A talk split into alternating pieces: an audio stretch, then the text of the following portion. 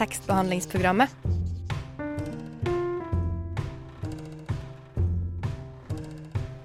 Tekstbehandling på radio.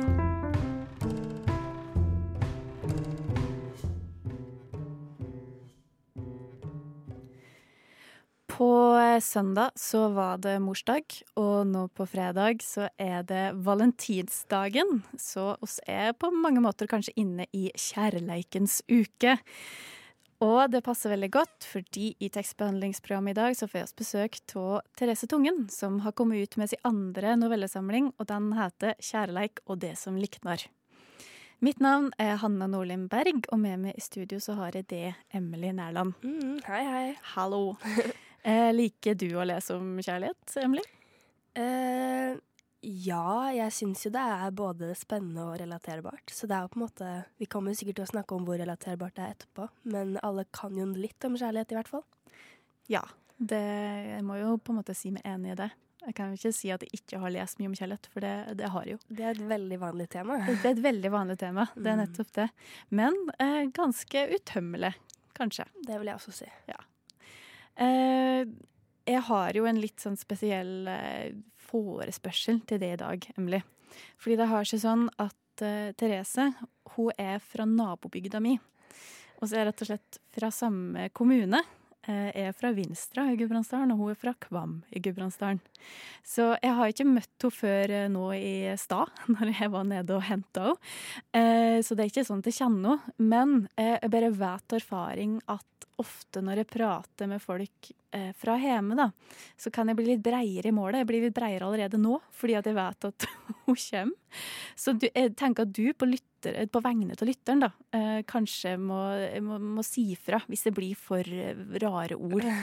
Være litt eh, diplomatisk for andre Ja. som ikke forstår. Ja, det kan jeg klare. Bra. Fordi du er fra Oslo, sant? Jeg er fra Ja. Oslo. Mm, bra. Mm. Da, da har du liksom det utafra blikket som kanskje kan Som komme ikke til å dere har. Ja, nettopp. Ja. Nei, skal prøve så godt vi kan. Eh, og så var det det da, at vi pleier jo ofte å ha en anbefaling før å sette i gang. Har du en anbefaling i dag, Emily? Eh, jeg har en anbefaling. Eh, faktisk så er det kanskje ikke en litterær anbefaling som så, men jeg anbefaler å se 'Parasitt' på, på kino. Den som fikk masse Oscarer nå. Eh, og kanskje dere tror vi er på feil program, men dette er fortsatt tekstbehandlingsprogrammet, det er ikke filmprogram.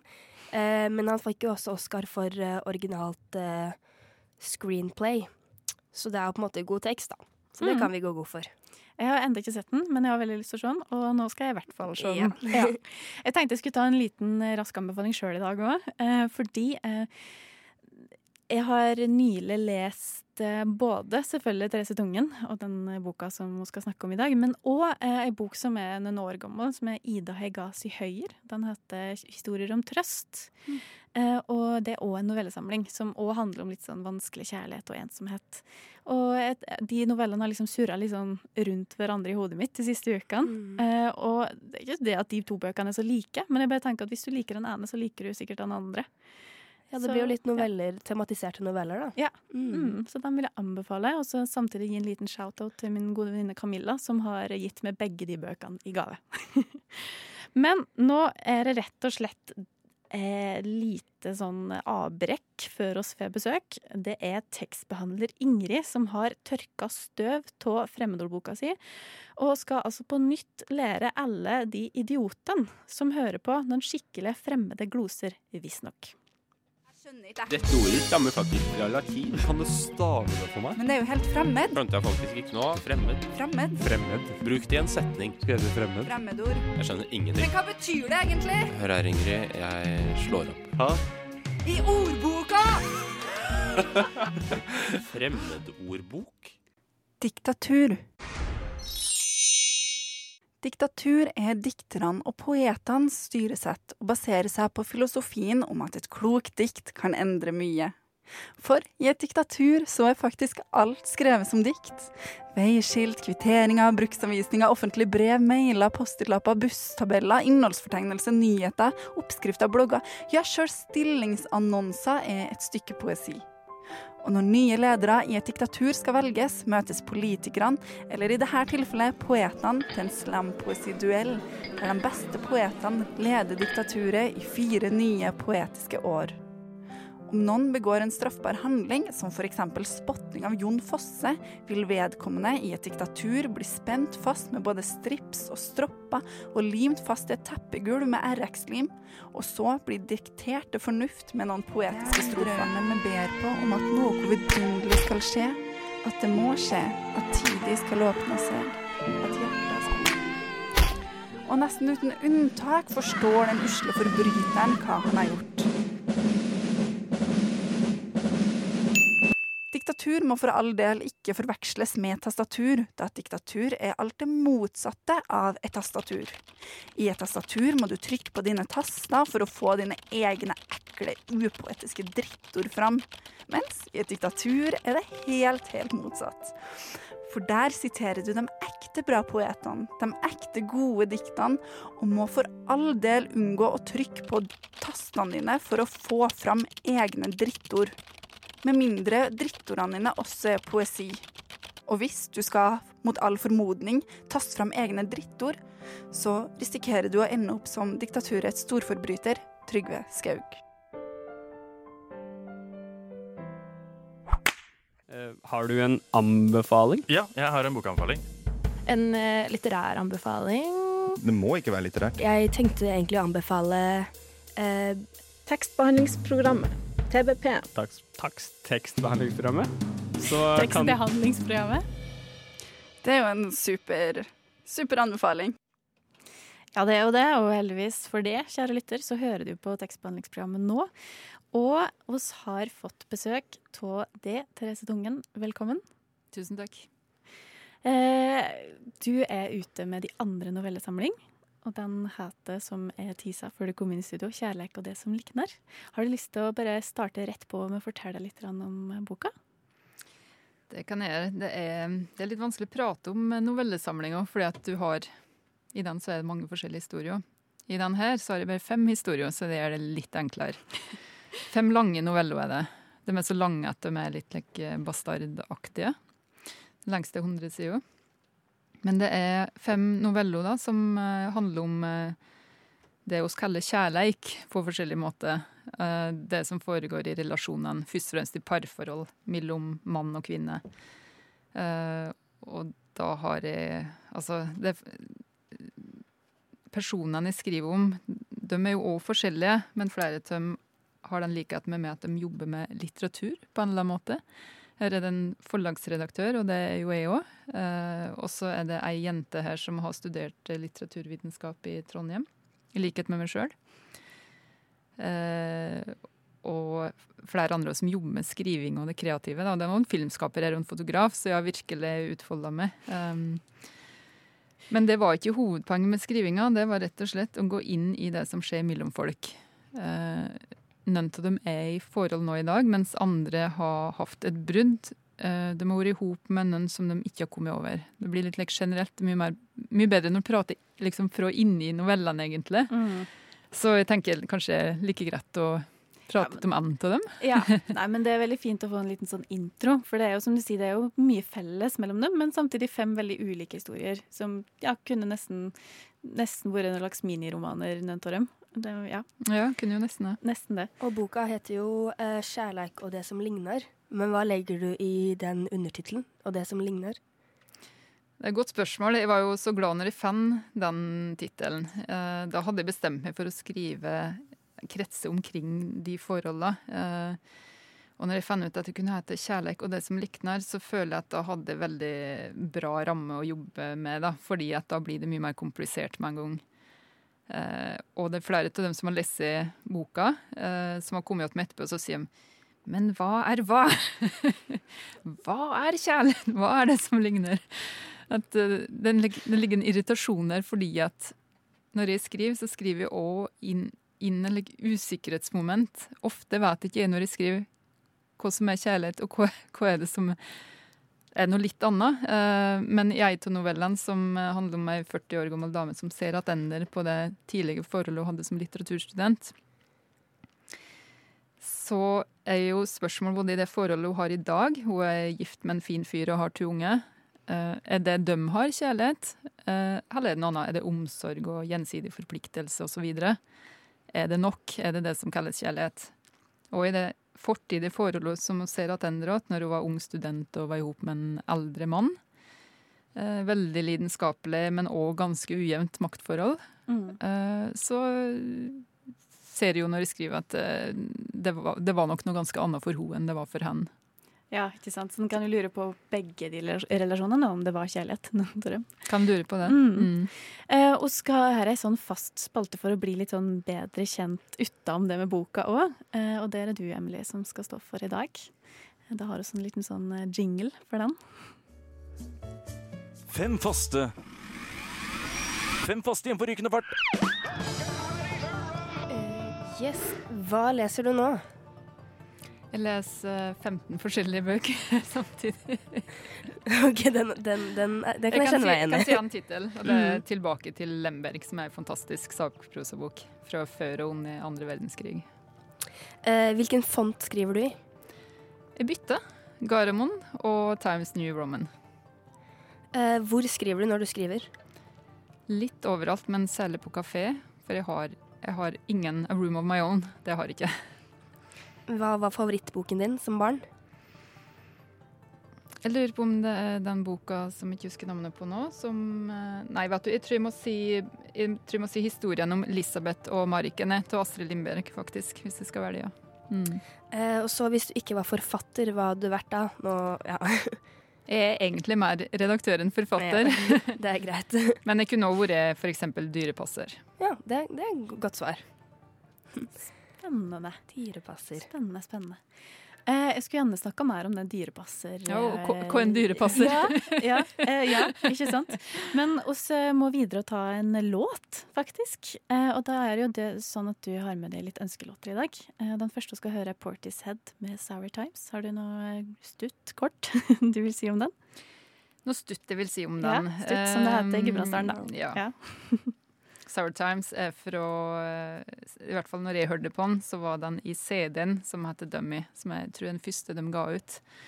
Uh, og jeg hørte på den på repeat. Jeg lurer på om jeg hadde den med når jeg flytta til Frankrike i 1999. Og at den var en av to eller tre CD-er som jeg hadde med meg. Uh, så den kjenner jeg godt til. Men så ser jeg når jeg hører på den CD-en på nytt nå, at det er veldig mange bra låter på den, sant? på det albumet. Og det her er en av dem. Eh, umulig å tolke, egentlig. Eh, det er litt gibberish. Eh, ting kan bety alt mulig. Så jeg tror ikke jeg skal si så mye mer om innholdet, men det er jeg tror jeg kan kalle det en kjærlighetslåt. Hei, jeg heter Aune, og du må høre på tekstbehandlingsprogrammet. Fordi kunnskap og viten, det er det mest vidunderlige på denne jorden. Ja, du hører fortsatt på tekstbehandlingsprogrammet, og eh, jeg heter Hanna, og med meg så er Emily, og det Therese Tungen. Og eh, du skriver jo om kjærlighet, eh, Therese. Og det er jo et eh, tema som det har blitt skrevet mye om. Det er jo ikke det å komme utenom. Men det er jo likevel et eller annet som gjør at det er så populært og utømmelig. Hva tenker du det kan være? Det er kanskje store, vanskelige Ja, spørsmål. det er et veldig stort spørsmål. Men jeg må jo ta imot det spørsmålet for deg som har valgt å skrive om eh, de tingene her, og jeg som har det i tittelen. Ja, du har det jo i tittelen, så det er jo Så- veldig bold, egentlig. Det var jo Ja, det, Modig, det, føles litt, det føles litt modig, faktisk, akkurat det. Um, jeg skriver om kjærlighet og de nære tinga, og jeg skriver mye om hverdagen.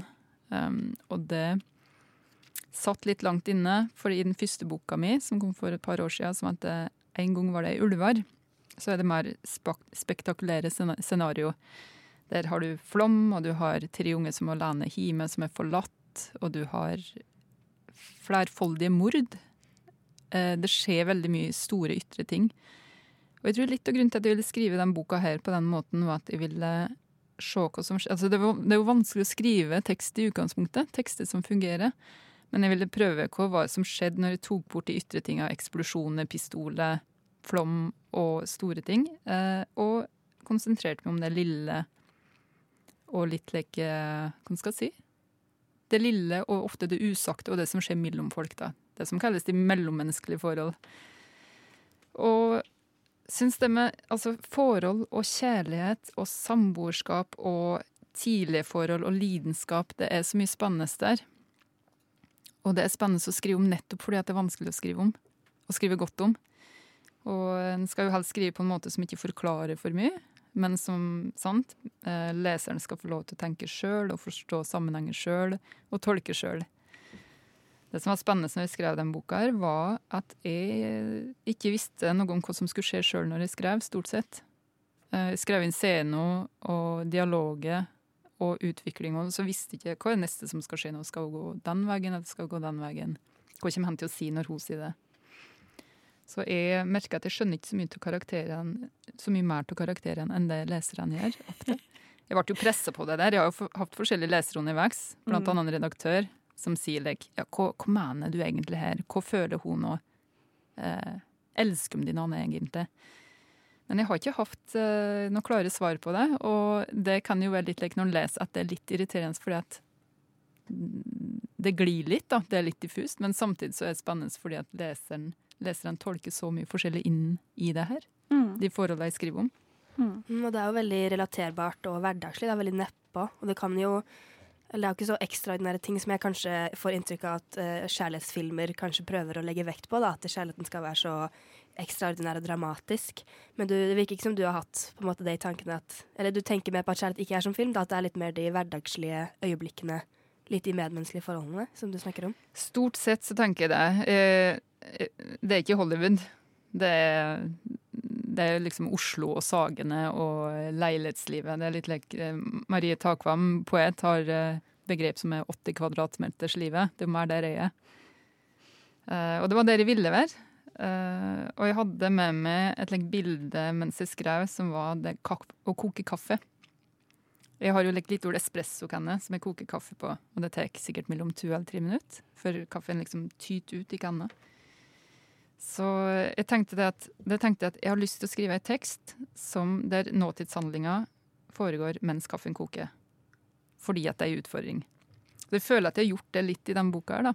Mm, absolutt. Det er jo konkret, en kaffekanne som Ja, det er koker. mange. Det Ja, er ja, forskjellige det er typer. Det er både traktekaffe og espresso. Det er mye kaffe. Det er det. Men det er jo en veldig sånn hverdagslig ting som, som er veldig sånn en stor del av folk sitt liv. Men eh, nå har vi jo prata litt om boka, men vi har jo fortsatt ikke hørt noe fra den. Har du lyst til å lese, lese et lite utdrag? Jeg skulle lese litt fra den første novella, som er en av de tenker på som de viktigste novellene her, 'Elskeren'. Eh, Da er det Magni, som er 19 år og litteraturstudent i Trondheim. Og hun er kjent med en eh, fyr som heter Eskil, som er 35. Veldig mye eldre enn hun. Og som hun har fått et slags forhold til. Eh, Så tenkte jeg skulle lese et utdrag der du ser noe av det maktforholdet mellom dem. Kanskje om jeg finner at det er.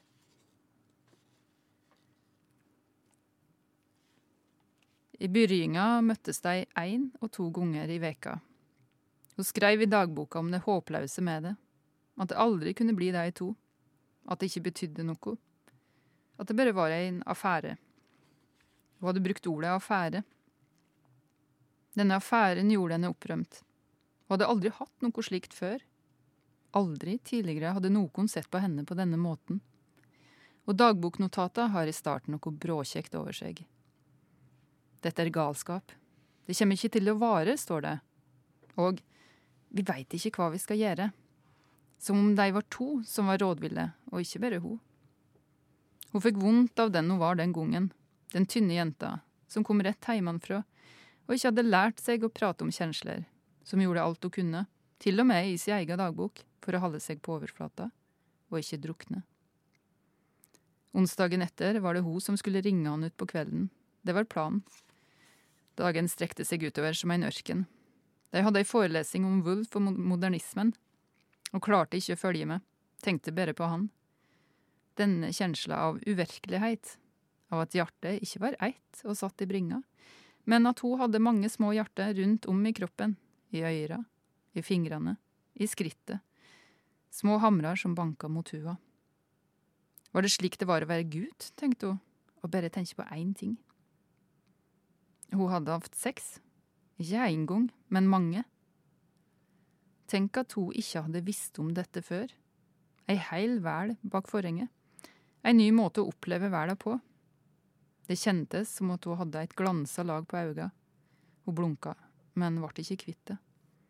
Alt i henne drog i ei retning. Alt i henne ville bare opp dit, oppover bakkene, opp til den vesle leiligheten hans. Men det var fremdeles timevis til avtaler deres.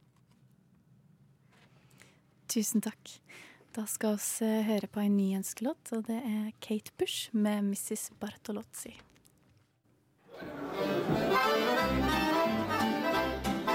Hvis du går hjem med noen og de ikke har bøker, ikke knull dem. Hilsen tekstbehandlingsprogrammet. Det stemmer det. Og nå hørte oss nettopp eh, Kate Bush med Mrs. Jeg vet ikke hvordan jeg skal si det. Bartolozzi. Og det, det var en ønskelåt som du har med deg, Therese Dungen. Nå vil du si litt, eh, litt stutt om den før vi går videre. Grunnen til at jeg liker den låta, i den sammenhengen her, er det fordi at det handler om noe ekstremt hverdagslig, som er å vaske klær. Og eh, Kate Bush har blitt intervjua om låta, og da sier hun at ja, hva handler låta om? Det handler om uh, Mrs. Bartolozzi. uh, det handler ikke om meg, men, sier hun, jeg ville aldri kunne skrive den låta her hvis jeg ikke har vaska fryktelig mye klær. Sier hun at livet med Når ungene kommer inn i huset, så blir det ekstremt mye klesvask. Og så en fin liten detalj i låta er at det er en ny vaskemaskin. Det er ikke bare ei vaskemaskin. Det er veldig bra. Det tror jeg mange kan kjenne seg igjen i. Uh, og Therese, du har jo skrevet en novellesamling om uh, kjærlighet, uh, som det er hverdagslig, som du sier. og er det litt sånn at novelle er en sjanger som preges litt av konvensjoner? At det er på en måte en oppskrift på hvordan man skriver en novelle, som du tenker? Og om du har tenkt noe på det når du har bygget opp strukturen i novellene dine, eller hvordan du har jobbet med det? Jeg tenkte at jeg skrev tekster som er på en måte som eh, ble som det måtte bli. At det bygges opp gradvis, og at jeg vet ikke helt hvilken vei det går. Det går litt hit og dit. Eh, det som er utypisk eh, i mine noveller, er at det er mye fortid, mye refleksjoner. Det er ganske mye til alt. Det er ikke noe stramt løp, og det er ikke kun nåtidshandling osv. Så, videre. så det er ikke noe typiske noveller. Men jeg trodde jo at uh, hvor uh, tekst var ganske forskjellig og veldig original, og så begynner anmeldelsene å komme. Uh, og så er det flere av dem som sier at ja, tekstene er jo bygd opp eh, på en mal, på en måte. De er bygd opp på akkurat samme måten alle sammen. Så tenker jeg nei, det er jo ikke sant. Det kan jo ikke stemme. Men så, så uh, tenker jeg kanskje at hvis det er sant, da, så For det første kan hende jeg skal gjøre ting litt annerledes neste gang, men også kanskje er det ikke så farlig akkurat hvordan de er bygd opp. fordi det er de tingene som skjer inni der, som i hvert fall var veldig viktig for meg her å få til. Mm. Jeg tenker litt om måten vi bygde bygd opp, det understreker jo litt han, altså det det handler om òg, da. Som er litt sånn kjærlighet, eller det som ligner. Ja, det er jo som du sier mye framtid, nei, nåtid og fortid, og mye sånn refleksjon. Så, men ja, det er definitivt mye felles. Og en ting som jeg tenkte på, eh, det er jo at mange av karakterene dine drømmer mye. Så jeg var litt sånn nysgjerrig mm. hva du tenker rundt uh, drømmen. Som, mm. ja, ja. Du skal jo være forsiktig med å ta inn for mange drømmer i ja, skrivinga. Det er mange som sier det. Det er mange som sier det. Uh, Dag Solstad har sagt, tror jeg, at uh, hvis en skal ha med drømmer, så må det være ekte drømmer. Da vil jeg tro en mener som forfatteren har drømt.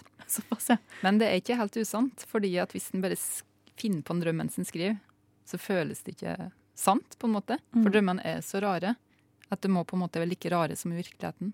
Det må ikke være like typisk at det er et symbol for det, end-til-end-forhold.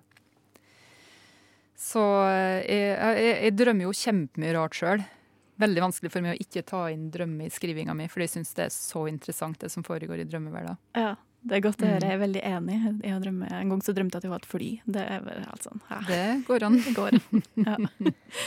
um, og som tidligere, som du sa, så er du også redaktør i Samlaget. Uh, så liksom, nå virker det som du på en måte har også litt tanker om, når du får anmeldelsen om hva du har skrevet, og liksom tenker litt på hva andre sier du skal skrive om, da. Men hvordan tenker du det er å skrive kontra å være en redaktør? Og på en måte sitte på andre siden av bordet, da? Jeg jobber jo med sagprosa, det har jeg gjort de siste åra. Før jobba jeg mer med skjønnlitteratur.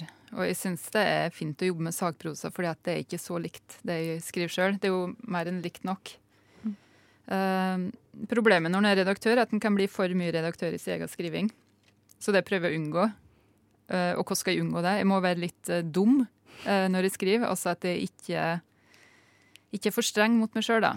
At jeg skriver ganske mye ut fra intuisjon og magefølelse. Og ofte så begynner det med at jeg, vil, at jeg har enten en stemning eller en sinnstilstand. Eh, noe jeg vil utforske. Og så skriver jeg ut fra det. Eh, og en plass. Plassen er viktig. eh, når jeg skrev om Grand Canyon, så kunne det ikke foregått en annen plass, føler jeg. At plassen var nesten vel så definerende som akkurat de karakterene som kommer dit. Mm. Ja, men, eh, men det er jo òg fordeler med å være redaktør. Han vet jo hvor utrolig mye tid det tar å fullføre en bok og skrive den ferdig. Og at den er ikke ferdig når den er skrevet ferdig, for da skal den redigeres. Så det går jeg jo inn i med litt like, liv og lyst, faktisk. At jeg liker òg den fasen. Det tror jeg er en stor fordel. Ja, det tror jeg er en veldig stor fordel, faktisk. For jeg tror det er mange der ute, inkludert meg sjøl kanskje, som ikke helt skjønner akkurat hvor mye arbeid det faktisk er å skrive ei bok. Mm. Og skal høre ei ny ønskelåt. Eh, Denne gangen er det St. Vincent med 'Savior'. Er det noe du har lyst til å si om den? Nei, jeg liker St. Vincent. da. Jeg syns hun er ei veldig kul dame. Eh, og det her er en låt, hvis en hører nøye etter, så kan en høre de, alle de små forskyvingene, litt like, overraskende vendinger i tematikken. Tilsynelatende handler det om et SM-forhold, men så tenker jeg at her er det mye mer enn det. Spennende. Da høres på St. Vincent med 'Savior'. Hallo, mitt navn er Knut Nærum, og du hører på tekstbehandlingsprogrammet. Jeg går i hvert fall ut fra at du gjør det. Jo da, det er bare å slappe av, for du gjør det. Du hører på tekstbehandlingsprogrammet. Og oss har fortsatt med oss eh, novellist Therese Tungen. er det et ord? Ja, det er vel kanskje det. ja. Eh, og jeg og Emily også har snakka litt om i det siste at eh, han der godeste sosiologen, Gunnar Åkvåg, eh, har drevet kanskje mange lyttere som har fått med seg det, som har vært ute og ytra seg i Morgenbladet, var det vel, om norsk samtidslitteratur. Og han mener at eh, at det er en overrepresentasjon av triste middelklassefolk som lever i det de oppfatter som en meningsløs eh, tilværelse. Og han mener at det ikke speiler det norske samfunnet i det hele tatt, da, fordi det går jo så bra. Og eh, ja, det er jo kanskje litt Karakterene dine, Therese, er jo kanskje litt sånn middelklasse Ikke at det nødvendigvis har så meningsløs tilværelse, men hva tenker du om det, på en måte? Om eh, karakterene mine, eller Ja, om, utspillet? ja, om hva du tenker om, om han har eh, Jeg leser ikke den saken hans, men jeg leser eh, et svar på saken hans, og jeg leser hans svar på det svaret, sant? Um, så jeg vet ikke om jeg skal prate så mye om akkurat det utspillet, men det jeg kan si, som kommer fra Gudbrandsdalen, i likhet med det, det er at jeg blir veldig glad når jeg eh, leser eh, samtidslitteratur, og så leser jeg om Hva skal jeg si? Om folk som tilhører arbeiderklasser, som ikke har kreative yrker. Um, som har litt andre bakgrunner enn den ofte får i litteraturen. Og de finnes de òg i litteraturen, men jeg tenker mm, enda, altså, har plass til mer karakterer fra bygda enn det som finnes i dag. Mm. Og kanskje litt andre typer yrke enn det som finnes i, i skrivinga i dag. Og ja, mest mulig mangfold, tenker jeg. Mm. Jeg prata framfor ei videregående klasse. Det var når jeg ga ut den førre boka mi. Og så, de hadde så fors- Jeg så jo at de hadde så forskjellig bakgrunn, alle som satt der. Og alle satt med sine historier. Og så da prates om det med eh, at det er så lett å tenke at jeg har ikke noe interessant å skrive om, min bakgrunn er ikke spennende. Eh, men så ble det prat om det akkurat det da, og så ble vi enige om at eh, at alle som sitter der, har sine spennende historier, og at iblant så trenger en ikke å finne på alt mulig fra scratch, men en kan gå til sin egen bakgrunn. Hvor det var det jeg vokste opp, hvordan var det i omgivelsene mine.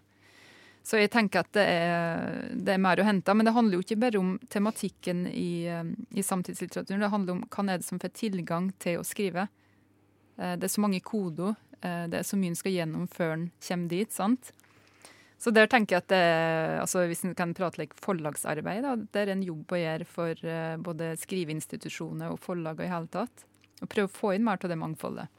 Mm. For det gjør jo litteratur mer interessant. Men eh, jeg, syns, jeg syns kanskje det virka litt unyansert, det en sa. For jeg, jeg tenker at det er, det er klart det er mye spennende i det han kaller middelklasselivet, eller hva det nå var.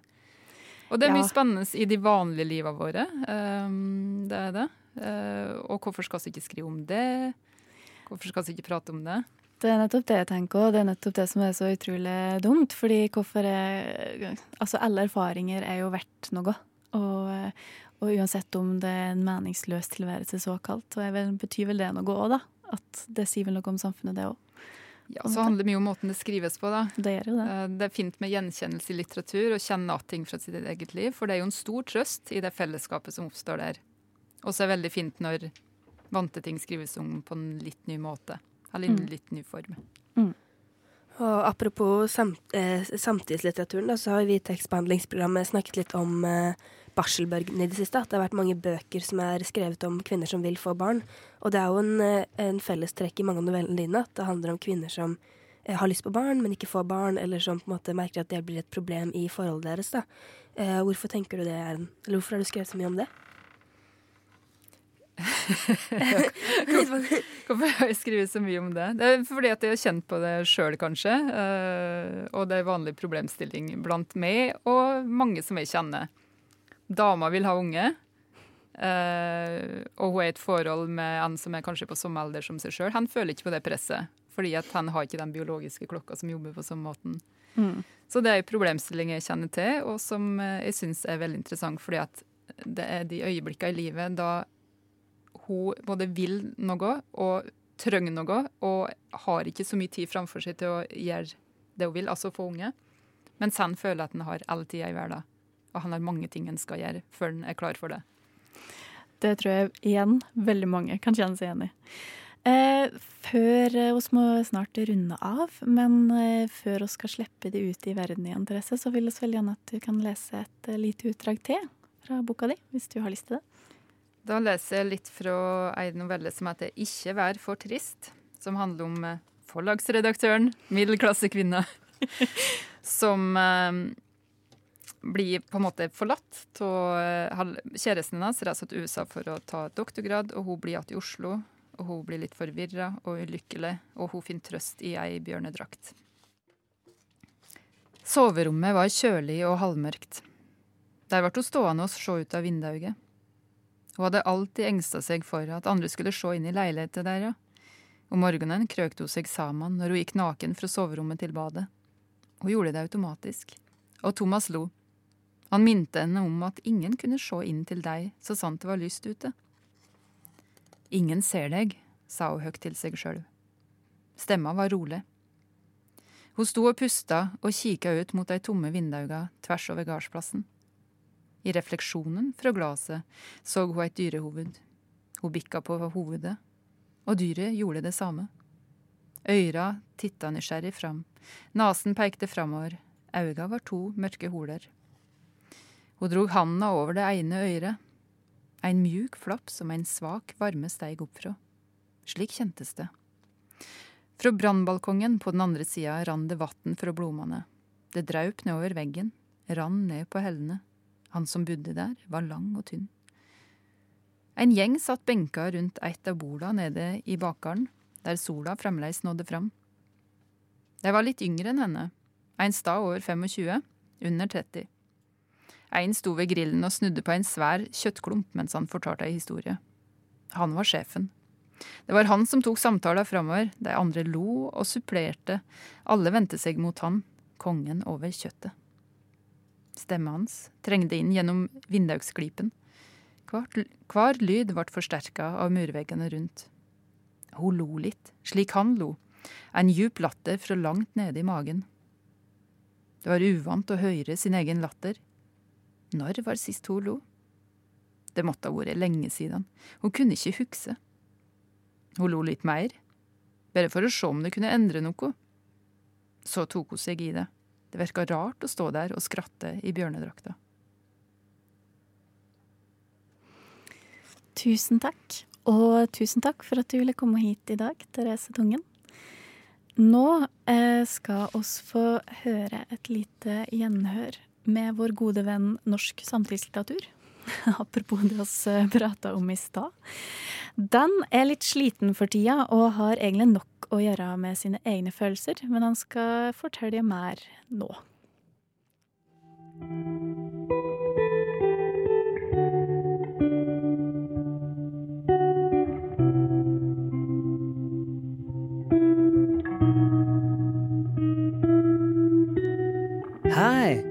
Mitt navn er Norsk samtidslitteratur.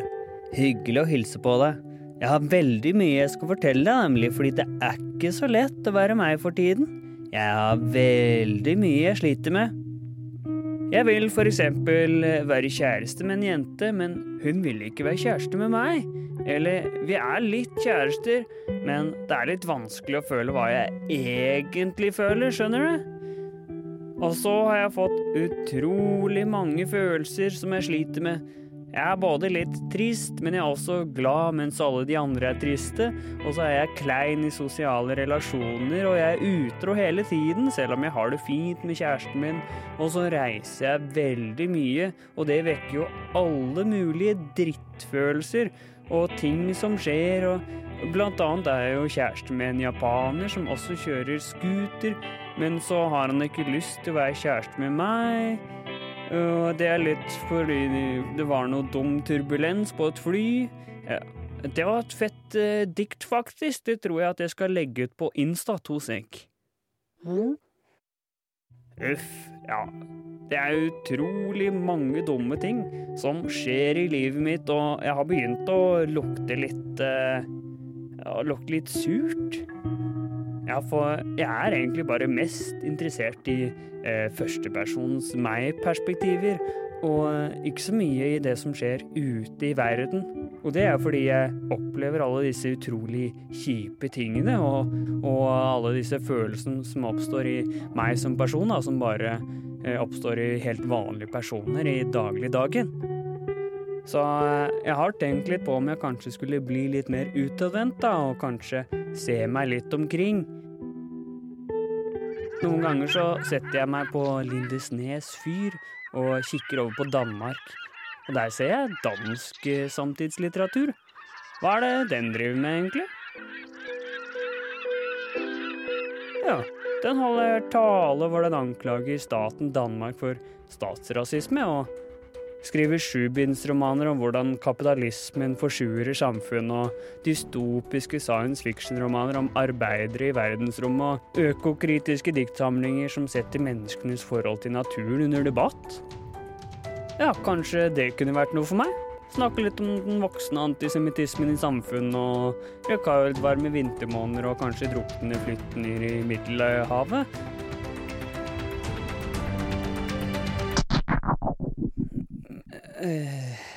Men det virker veldig masete og utagerende, da, syns jeg. Nei, jeg tror egentlig jeg bare skal sitte her og tenke litt på meg selv, jeg, og mine egne følelser og hvordan de påvirker min hverdag, da. Ja, det er jo vanskelig nok, skal jeg si det. Jeg, jeg klør litt i Jeg klør litt i navlen. Nei, hva er dette for noe? En grå, lodden liten dott? Det ser litt ut som en grå, gammel mann, jo.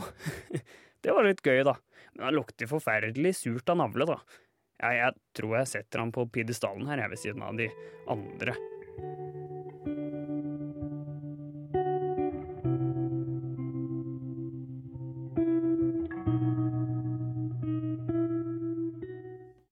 You have bewitched me, body and soul, and I love, I love, I love. Tekstbehandlingsprogrammet på Radio Nova.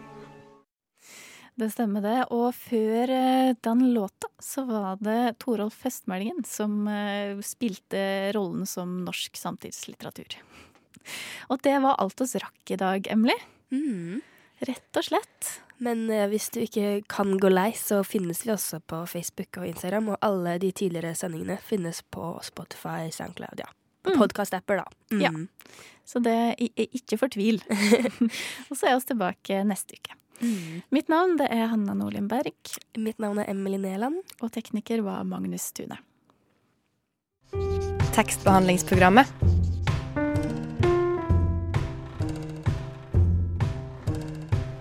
Tekstbehandling på radio.